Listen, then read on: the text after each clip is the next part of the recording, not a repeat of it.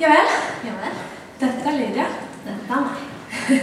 Sunnmøring og lærer. Det er liksom de to, to tingene jeg har festa med det, da. Det er det sentrale, da. Har du lyst til å legge til noe mer? Ja Kommer fra en liten plass som heter Godøya. Det er på en måte ikke bare Sunnmøre, det er på en måte Godøya som teller. No offense. Godt mange andre sunnmøringer. Men eh, ja, bor i Bergen. Jobber som lærer for første klasse. Helt fersk i første klasse, både deg og meg. Uh, men det er veldig kjekt. United-fan. Sammen med en sørlanding. Kanskje jeg vil fortsette, ja, det er det viktigste, kanskje. Så bra. Jeg har jo hørt noen taler av deg på podkasten til Salem Bergen, så jeg vet at jeg gleder meg. Gleder du deg? Jeg gleder meg veldig. Nervene begynner liksom å legge seg eh, når du kommer opp hit, så det er positivt tegn. at det begynner nå. Jeg gleder meg veldig lenge. Så jeg får komme hit. Du, Martha og jeg vi er veldig glad i dilemma. Eh, Så jeg har to til deg, da. Det ene er gå hele skoledagen i første klasse i bikini. Eller spise en chili hver gang de rekker opp hånda. Eller burde huske på å rekke opp hånda. Og det er veldig det første. Hele bikini. ja, du hva. Det er jo små ganger jeg måtte ikke rekke opp at det går ikke. Da har jeg gått sjukmeldt hjemme etter sånn første time. um, jeg har to lapper til deg med ting som jeg lurer på om du liksom kunne sagt med litt sånn det engasjementet det passer til. Og så er dilemmaet alltid starte en andakt med dette. Ja. Superlyd, jeg er klar! Er dere klar? Eller alltid avslutte en andakt med dette. Jeg regner med dere elsker dette. Takk for meg. Hvilke velger du? Jeg tror kanskje jeg tar den første. Jeg vet ikke hvorfor jeg står med østlandsdialekt. Men da gleder vi oss til du skal starte etterpå. Skal vi be litt først. Himmelske Far, nå legger vi Lydia fram for deg. Ber om at du må gi henne visdom og styrke og ro til å formidle det du har lagt opp i hjertet. Takk for at du har utrusta henne til denne oppgaven, og takk for at hun har sagt ja. Så ber jeg deg for oss som skal sitte og høre på, at vi kan få invitere deg inn i hjertet vårt nå, far. At vi kan få legge av oss alt det vi tenker på som tar oppmerksomheten vår bort fra deg. At vi kan få lytte og se at dette er relevant for oss i våre liv. Takk for at du er her med din Hellige Ånd, far. Amen.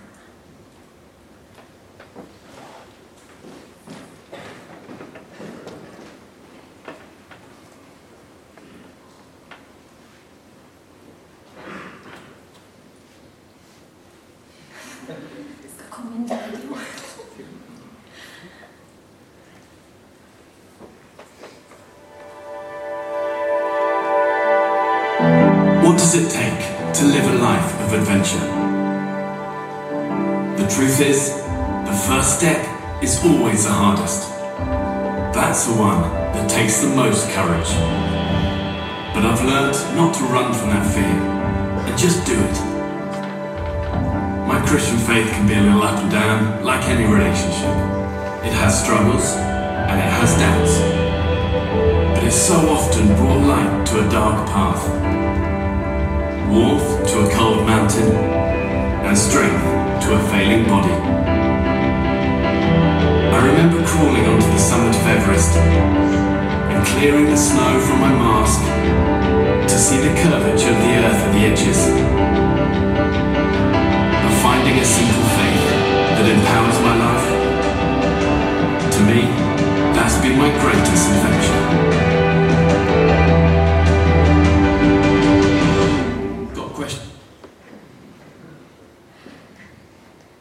Ikke mange som har eh, hatt og opplevd så mange og til tider sære eventyr som denne mannen her. Det er ikke sikkert du vet hvem det er. Eh, det er Bear Grills. Til og med navnet hans er litt sånn badass. Men han er kanskje eh, Storbritannias svar på Lars Monsen, kanskje. Chuck Norris eller noe sånt. Eh, skikkelig adrenal adrenalin-junkie. Han er kanskje hakket mer kjent for å være en av de yngste som klatra opp på Mount Everest da han var 23. Eller for å eh, kravle gjørme, fullt av gjørme gjennom eh, skog og ørken og diverse og spise dyr for å overleve, som han møter på sin vei i Mann mot natur. Han er ekstremt tøff, ekstremt eh, sprø, hvis meg, eh, men han har opplevd ekstremt mye. Og likevel så syns jeg det da er litt stilig at i denne videoen så sier han at det største han har opplevd, det er å erfare Guds kjærlighet. At det er det aller største eventyret han har opplevd, livet med Jesus. Det syns jeg er inspirerende. Er livet med Jesus ditt største eventyr? Det største du har opplevd? Jeg var ute i sommer på besøk hos mine besteforeldre på Sunnmøre. Eh, og De bor på en liten idyllisk holme mellom to øyer. Og eh, Fantastisk nydelig plass, men også utrolig værutsatt. Så En dag jeg var der, så var det full storm. Sant? og Jeg fikk et Bear Grills-innfall. Der jeg bare jeg skulle gå ut og kjenne på, eh, kjenne på naturkreftene. Og gikk, kledde på meg, gikk ned i fjøra og stender der. sant? Skikkelig sånn her, kjemper mot naturen der jeg stender og kjenner vinden som river og sliter meg. Fikk jeg det sånn her, sånn wow-opplevelse. Bare tenk så sterk Guds kjærlighet er for meg. da. Så mye sterkere enn denne vinden og denne stormen. Så det ble litt sånn her eh, salig øyeblikk for meg der jeg sto. Eh, og så kom jeg til familiebesøk til senere på dagen. Fortsatt masse storm. Og sitter ute på Huska utafor med min eh, datter til min kusine, som er fire år. Og jeg forteller henne, vet du eh, Tenk så stor og sterk Guds kjærlighet og overføre dette her. Den er så sterk. Du kan ikke måle seg med denne vinden. Eh, og sitter der på noen husker, vet du, holder på å dingle i alle mulige retninger. Og jeg fortsetter å si at når du er i en storm, Johanna, da kommer Gud og stiller seg foran deg og beskytter deg i stormen. Følte jeg leverte noen skikkelig juveler av trosformidling. Um, og vet du hva hun svarte? Um, skal si en ting? Uh, du kommer til å bli forkjølet da vi går inn. Så barneandagsene må jeg jobbe litt mer med. Men for meg så var det et veldig sterkt øyeblikk at Gud elsker meg med en så kraftfull kjærlighet at jeg kan ikke uh, forestille meg det. Og det jeg vil snakke om i dag, er hva mer Gud ønsker at oss skal erfare med hans kjærlighet. For den kjærligheten som Gud har for oss, den gjør noe inni oss. Den utfordrer oss. Og jeg tror at mange kristne til tider føler seg utilfreds med det kristne livet som vi lever. Eh, jeg vet at mange, inkludert meg sjøl, ofte har et, et, ønske om at det vi gjør, skal bety mer. At vi skal ha mer påvirkning på miljøet og mennesker rundt oss. Men så vet vi helt hvordan av og til. Kanskje vi ikke føler det realistisk at det som er virkeligheten. Men Gud har et ønske om at oss skal komme nærmere Han og stole på Han med ting som er utenfor vår komfortsone. Satt opp ord der. For meg, i hvert fall. Men hvis du sitter her nå og tenker at dette blir enda en sånn åh, ta det sammen og prøv hardere tale, så vil jeg rett og slett si med en gang at det er ikke budskapet i denne talen. Meninga er ikke å trykke deg ned og du skal ha dårlig samvittighet for at du ikke prøver hardt nok å være kristen. Jeg vil at du skal bli oppmuntra og utfordra. For at Gud er ikke ferdig med å vise deg sin kjærlighet. Han er mer for deg å se, og han er mer for deg å oppleve. Og jeg veit ikke hva din historie med Jesus er. Kanskje du har, har kjent Jesus hele livet og har vandra med Jesus fra du var liten. Vokst opp i en kristen familie, gått på barnearbeid, ungdomsarbeid, studentarbeid osv. Eh, det er min historie. Og jeg føler meg velsignet som hele den historien. Noen er kanskje nyfrelst og ikke kjent Jesus så lenge. Kanskje du har hørt om Jesus, men du vet ikke helt hva du skal tro, eller kanskje du ikke tror i det hele tatt. Men uansett så er jeg overbevist om at Jesus har noe han har lyst til å si til deg. Fortelle deg noe om hva livet med han faktisk innebærer. Ehm, de siste fem åra tror jeg, har jeg vært leder i et eh, tenåringskor. Bergen Soul Children. Det er med dere som er i Oslo og har hørt om Soul Children. Ehm, fra 5. til 10. klasse. Og i høst så tenkte vi at vi skulle begynne å prøve å utfordre dem til å ha litt små andakter.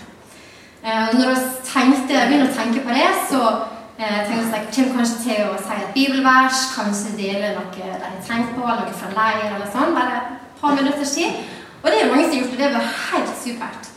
Eh, det er så masse nydelig som er blitt sagt. Og så For et par uker siden så kom jeg og de eldste jentene og sa at hun hadde lyst til å ha en andakt. Og jeg og hun bor ganske nært hverandre, så oss tok følge etter øvelsen. Og hun følte sånn hjertesukk og bare 'Dette har jeg aldri gjort før'. Hun begynner å fortelle meg om sin troshistorie som jeg ikke visste noen ting om. At hun hadde ikke vokst opp i en kristen familie. Eh, hun hadde ikke hatt kristne foreldre og gått i noe kristent arbeid da hun var liten. Men hun begynte på en kristen videregående skole, nei, ungdomsskole. Og begynte da å gå i, på et ungdomsarbeid sammen med noen fra klassen. Eh, og hun merka allerede fra de første gangene hun var der, at det her fortalte fortalt om at Gud elsker henne. At det begynte å vokse i henne. Dette her at Gud elsker henne til tross for at alt hun gjorde, skulle tilsi at hun burde gjøre det motsatte. Det begynte å vokse i henne, begynte å tro på det. Og en onsdag kveld på rommet sitt så klarte ikke hun mer og sa å Gud, jeg vil ikke gå en eneste dag videre uten at du går med meg. Hva enn jeg gjør videre, så vil jeg at du skal være med. Um, og det som jeg merka meg ekstra spesielt med det hun sa, var at hun syntes det var så spennende å være kristen. Hun stolte helt og fullt på at Gud kom til å bruke henne til at andre mennesker ble frelst. Hun sa ikke jeg vet at Gud kan bruke kristne til å, til å bli frelst. Men hun sa rett ut Gud kommer til å bruke meg til at noen kommer til å bli frelst. Samme som hadde brukt, han hadde brukt ei hennes klasse til at hun skulle bli frelst. Og denne jenta er 15 år.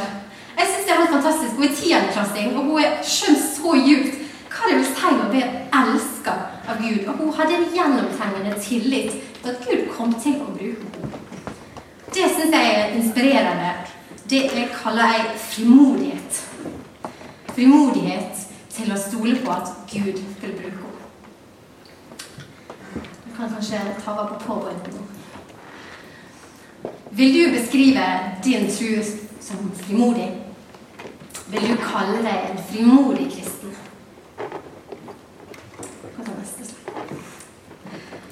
En av mine absolutt favorittekster fra Bibelen, det er historien om den samaritanske kvinna ved brønn. Du har kanskje hørt den. Eh, men Jesus er på vei fra Galilea og må gjennom Samaria. Jesus i Johannes kapittel 4. Han setter seg ned ved en brønn. Eh, og mot ham kommer ei kvinne som skal hente vann i brønnen. Og det er midt på dagen. ei tid der ingen pleier å gå og hente vann, for det er altfor varmt. Men her kommer hun, og Jesus sitter ved brønnen. Og han spør om han ikke kan få vann av henne. Først er hun litt forvirra og skjønner ikke hvorfor Jesus som er jøde spør hun som en samaritaner om han kan få vann, for de har jo ingenting med hverandre å gjøre. Eh, og det som jeg synes er så herlig, er at du får et hint i teksten om at denne kvinna hun har ikke hørt om Jesus. Hun vet ikke hva han har gjort i andre deler av Israel, eh, og hvem han er. Men Jesus han kjører på med litt til hun, for hun uforståelige bilder om levende vann, og han kan gi henne vann så hun ikke blir tørst. Så hun slipper å gå til, vann, til brønnen. Og hun tar jo da selvfølgelig dette her bokstavelig. sant? Eh, og skjønner ikke hvordan han skal få tak i dette levende vann, for brønnen er dyp. Og han har ikke noe å hente opp med. Eh, og hun vil jo selvfølgelig ha dette vannet som gjør at hun slipper å gå til brønnen for å hente vann. Vann som gjør at hun aldri tørster. Og i vers 16 så sier Jesus til henne Gå og hent mannen din, og kom så hit.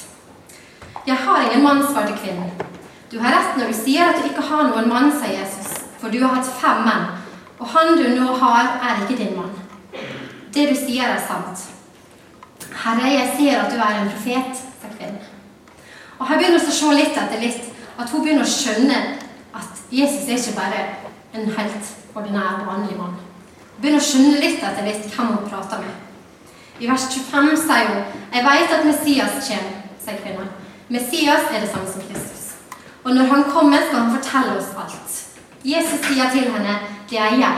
Jeg som snakker med deg.' Og så kommer det jeg syns er det flotteste med hele fortellinga. Kvinnen lot nå vannkrukken sin stå og løp inn til byen og sa til folk Kom og se en mann som har fortalt meg alt jeg har gjort. Han skulle vel ikke være Messias? Da dro de ut av byen og kom til ham. Og her i dette verset så er egentlig alt vi trenger å vite om frimodighet og det å sprenge sine egne grenser. For her har du ei kvinne som kommer til brønnen på et tidspunkt der ingen andre er der. Hun unngår tydelig mennesket fordi hun er skamfull over det livet som hun lever. Hun er redd for det andre skal tenke, og unngår det derfor. Men så ser vi hva som skjer. Kvinnen lot nå vannkrukken sin stå og løp inn til byen og sa til folk 'Kom og se'. Hun lar vannkrukka si stå. Hun legger på en måte igjen byrdene sine, skammen sin, synden sin med Jesus, og så springer hun for å fortelle folk om han som er satt henne fri. Hvorfor har denne kvinna rett til å være frimodig? Hvorfor kan hun være frimodig? Denne kvinnen har kommet foran Jesus akkurat slik som hun er. Og han har sett henne for akkurat den hun er. Bare i løpet av denne korte samtalen skjønner hun at han her vet alt om meg. Og likevel så tilbyr han meg levende vann. Han tilbyr meg ubetinga kjærlighet. Jeg syns det er en helt fantastisk tekst om frimodighet. Og syns det viser så tydelig akkurat hvor livsforvandlende et møte med Jesus kan være. For her har du virkelig ei kvinne som sprenger alle sine grenser for at andre skal få møte Jesus. Hun løper inn til de menneske som hun har unngått, for, å fortelle dem om han som hun har møtt, som har satt henne fri fra sin skam. Nå vil jeg spørre deg har du kryssa noen grenser for Jesus i det siste? Er det noe i ditt liv som du vet at Jesus kan fikse? Som Jesus kan lege? Noe i ditt liv som kanskje er sårt, som er vanskelig? Kanskje du lengter etter en brann for Gud eller frimodighet som en kristen? For greia er at mange av oss eh, vet at Gud kaller oss til noe mer enn det kristne livet som vi lever erfart at mange har et ønske om å, kjenne, om å bli brukt av Gud. Og ikke bare være i en, en overlevelsesmodus som en kristen. Og her er greia med frimodighet. Jeg tror at frimodighet henger tett sammen med hva du forventer av Gud. Når du snakker med Gud, forventer du at han skal svare deg? Forventer du svar når du ber? Jeg tviler på ingen måte på at Gud er den samme allmektige Gud som han var for 2000 år siden. For 3000-5000 år siden. Jeg tror at Gud er fortsatt den allmektige Gud som kan flytte fjell, som du ser illustrert, som kan flytte fjell, som kan helbrede, som kan vekke døde til live. Jeg tror fortsatt Gud er den allmektige Gud. Men jeg skal være ærlig at jeg forventer ikke alltid at det skal skje når jeg ber. Forventer du at Gud kan få sola til å stille, sånn som han gjorde med Josfa? Eller for å trekke det litt inn i vår virkelighet, eh, vår hverdag, forventer du at lenkene til de kristne som sitter fengsla verden over, skal falle av ved din bønn, sånn som det gjorde med Peter? Kanskje forventer oss ofte svar på de mindre, mer realistiske bønnene men så er det noen ting som bare virker litt for store. Gud, dette problemet jeg har, jeg har hatt det for lenge, jeg kommer ikke meg ut. Denne lengselen eller denne avhengigheten, den er for stor. Jeg takler ikke det. Hva forventer du når du snakker med Gud? Gud vil ikke at du skal gå rundt og føle at trua di sikkert er god nok. At du du klarer deg og satser på at det holder. Gud vil heller ikke at du skal føle deg motløs og begrensa av at men Gud, det skjer jo ikke ting i mitt liv sånn som, sånn som det står i Bibelen. Det skjer jo ikke med meg.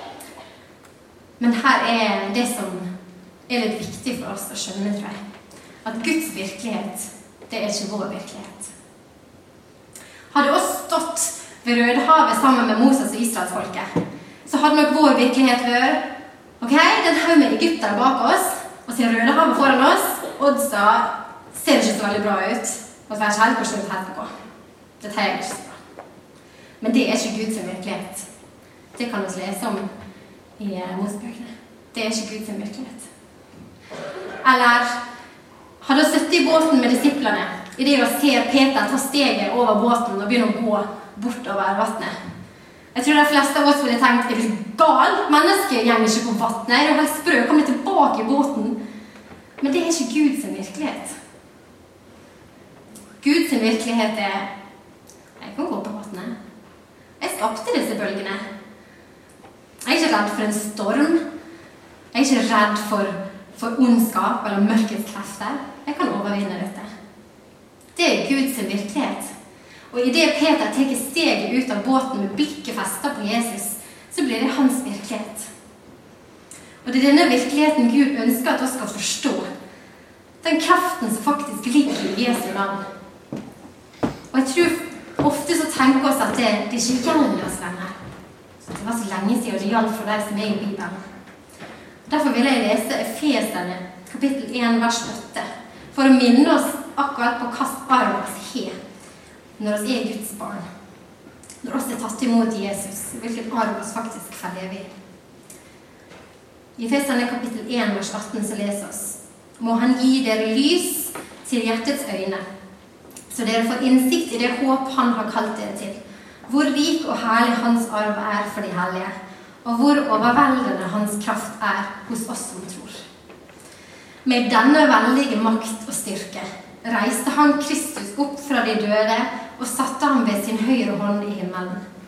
Over alle makter og åndskrefter, over alt velde og herredømme og over alle navn som nevnes kan. Ikke bare i denne tid, men også i den kommende. Alt la han under hans føtter, og ham, hodet over alle ting, ga han til kirken, som er Kristi kropp, fylt av ham som fyller alt i alle. Og vi fortsetter rett på Efeserne 3, 18-20 må dere sammen med alle de hellige bli i stand til å fatte bredden og lengden, dybden og høyden, ja, kjenne Kristi kjærlighet som overgår all kunnskap. Må dere bli fylt av hele Guds fylde, Han som virker i oss med sin kraft og kan gjøre uendelig mye mer enn det vi ber om og forstår. Jeg er veldig glad i brevet i Nye Testamentet, og akkurat her ber Paulus for åpenbaring for de kristne. At vi skal fatte nøyaktig hva det er vi får lov å leve i. Åpenbaring. Jeg er lærer i første klasse.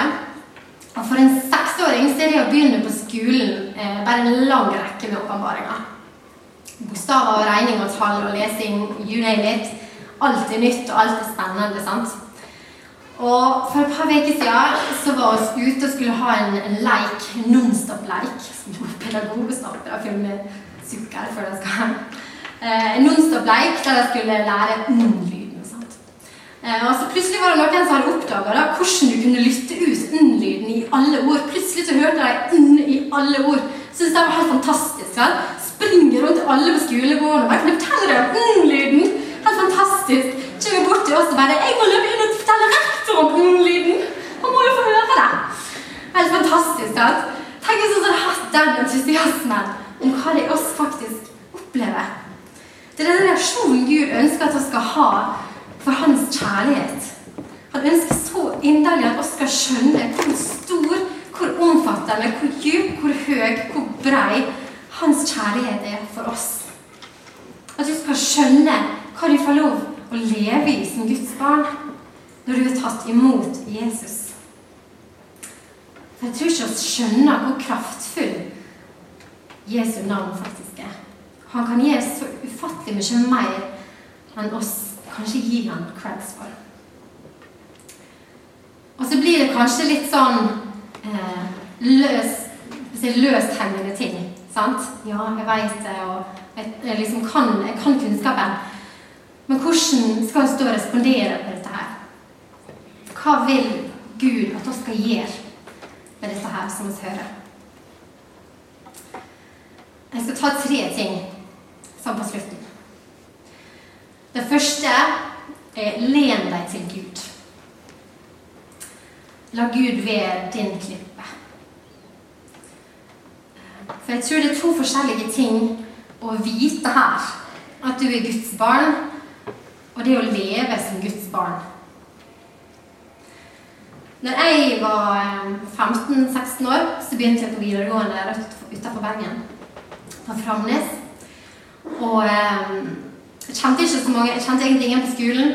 Men eh, bestevenninna mi var ett år yngre enn meg og skulle begynne der eh, høsten etterpå. Det hadde jeg planlagt over de siste tre åra. At jeg skulle begynne fremdeles, så det skulle bli time of my life. Eh, hun bodde bare en time derfra, så det var jo en stor grunn til at jeg begynte der. Og så to måneder ut i eh, skoleåret, oktober, første klasse for meg, så døde hun i en bilulykke.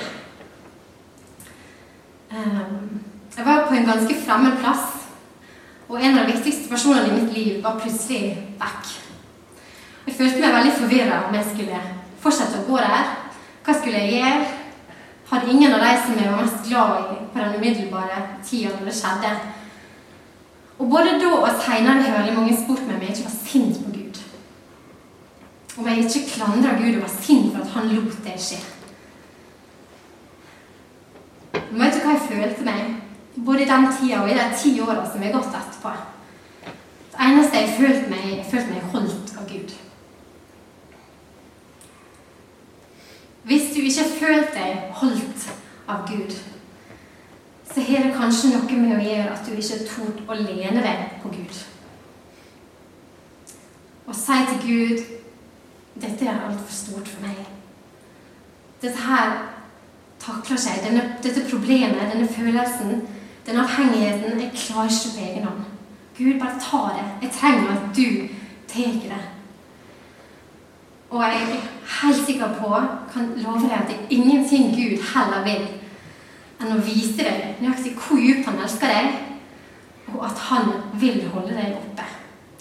Jeg trenger ikke å kjenne deg personlig for å vite at du enten har eller kommer til å møte vanskelige ting i livet. Men det er ingenting som er så sterkt som å kjenne at Gud holder deg oppe i noe som er vanskelig. Len deg til Gud. Ja, med de små tinga som du kanskje syns er realistiske bønner. Men hvis vi ikke tør å stole på Gud med ting som er litt større, så tror jeg vi er i fare for å gå glipp av noen av de største tinga med det kristne livet, og se Gud bevege seg rundt oss. Den andre er løft blikket og søke en åpenbaring for Gud. Og satt en gjeng i Salem i Bergen der jeg går eh, for noen uker siden og snakka om bønn og lovsangsarbeid i Salem, og hvordan vi gjerne ville at det skulle være videre. Og så kom vi inn på det at en så ofte faller inn i et mønster for hvordan ting er. Altså en gjerne gir ting på én måte, så blir det sånn. Og nå, nå syns jeg det er supert å ha ramme for, for forbønn og for lovsang og sånn. Det tror jeg er nødvendig. Men jeg hørte en tale for et par uker siden eh, av en britisk, eh, en mann som hadde vært på et kirkebesøk. Og han hadde spurt ei eldre dame i forsamlingen etter møtet Kanskje du bare praktisk forteller meg hva gjør dere med bønn etter møtet? Bare sånn. Kan du fortelle meg det? Og hun her dama da, jeg ser for meg en sånn skikkelig søt, gammel britisk dame, hadde bare svart Oh dear. Og så gjør ikke ting på én spesiell måte her. Her er Jesus har snakke om. Jeg syns det er en fantastisk eh, respons. Så gjør ikke ting på én spesiell måte her. Dette her er Jesus har snakke om. Det handler om å be Gud om å vise seg for deg. For hvis du tror at du har, har funnet ut av Gud og sett det det jeg har sett, så tror jeg du er in for a surprise, kan jeg si. Det er åpen for at Gud kan vise deg mer av hvem han er. Og den tredje er lytt til Gud. Det var dette her med komfortsone som jeg er så veldig glad i. Jeg talte om frimodighet i Salem for noen uker siden. og Fortalte at dette her syns jeg er kjempevanskelig. Å lytte til Guds stemme. Jeg sto på busstoppet i Bergen Busstoppet, gjentar. Et busstopp i Bergen for noen uker siden. Og litt bortenfor meg så står det ei dame ca. min alder og tydelig kjemper mot tårene. Bare smågriner litt på busstoppet. Og jeg følte så sterkt at Gud sa til meg at du skal gå bort til denne dama og fortelle henne at jeg elsker henne. Og min responsant eh, Du kan fortelle henne at du har ikke tenkt å gjøre det. Hvor teit har det ikke sett ut? Så, så igjen og igjen og igjen så lar jeg min egen sjølhøytidelighet, min menneskefrykt, stå i veien for at Gud kan bruke meg. Og samtidig så er det det jeg ber om, at Gud må bruke meg slik at andre mennesker skal bli frelst. Det er jo det jeg vil. Så er det dette med. Lytte til Guds stemme, slik at folk kan se Gud gjennom meg. For det jeg ønsker for, for alle oss, er at vi skal gå fra å være en kunnskap som sitter her, til noe som er her. Noe så djupt grunnfesta. En sannhet så djupt, djupt grunnfesta i hjertet at hvor enn du er i veka di, at du er klar over at du er Guds sønn, og du er Guds datter. Og du er både så utrolig kraftfullt elska og utrusta med den samme kraften som faktisk reiste Jesus opp fra de døde. Og jeg tror ikke det er første gangen du har hørt det. Det er kanskje ikke det. Og kanskje ikke det siste gangen heller. Men det er noe med å tørre å, å ta steget utafor komfortsonen. Dette med sjølhøytidelighet syns jeg er kjempevanskelig. Tror ikke det er derfor jeg står her, fordi at jeg har fasiten på det å være sprange sine egne grenser. Men det er ingen tvil om at Gud vil bruke oss. Og så er det noe med å søke Gud, å søke Guds ansikt, og tørre å la ham bruke deg. Og tørre å la ham gi deg frimodighet. Ikke at du skal ta deg sammen og prøve hardere. Altså, ok, nå skal jeg begynne å lese Bibelen. Nå skal jeg begynne å snakke med fremmede på gata. Men la Gud jobbe i hjertet ditt. Søk Gud først og fremst. I bønn, i Bibelen. Snakk med venner. Tør å forvente at Gud faktisk svarer deg. La det gå fra å sitte her, at det er noe du vet, men noe som sitter her, at det er noe du har lyst til å leve ut. Helt til sammen så vil jeg bare at du skal be. Himmelske Far, det er du som møter hver og en av oss i kveld. Du utfordrer oss, du elsker oss, og du har lyst til å bruke oss, Jesus. Jeg ber om at du må jobbe med hjertet vårt, far. Hjelp oss til å ville gå på ditt ord. Tørre å stole på at du er så mye større enn oss kan forestille oss, Jesus. Takk for at vi kan være sammen og lovprise deg. At vi sammen kan stå sammen for at flere skal bli frelst, Jesus. At det ikke bare må være noe vi lærer og hører om her inne, men at noe som vi tar ut til mennesker rundt oss. At det at du elsker oss og har frelst oss, er noe som vi ikke klarer å holde for oss sjøl, Jesus. Ber om at denne helga kan bli grensesprengende i vårt eget liv, Jesus, samtidig som det grensesprengende over landegrensene. Hjelp oss å stole på deg. Jeg takker deg i ditt navn, Jesus, for at du er at du er vår klippe, og at du er der selv om oss prøver og feiler. Og at du gir oss ny styrke i dag, Jesus. Det er i din styrke som kan gå ut. Og du vil bruke oss som dine redskap, Jesus. I ditt navn, amen.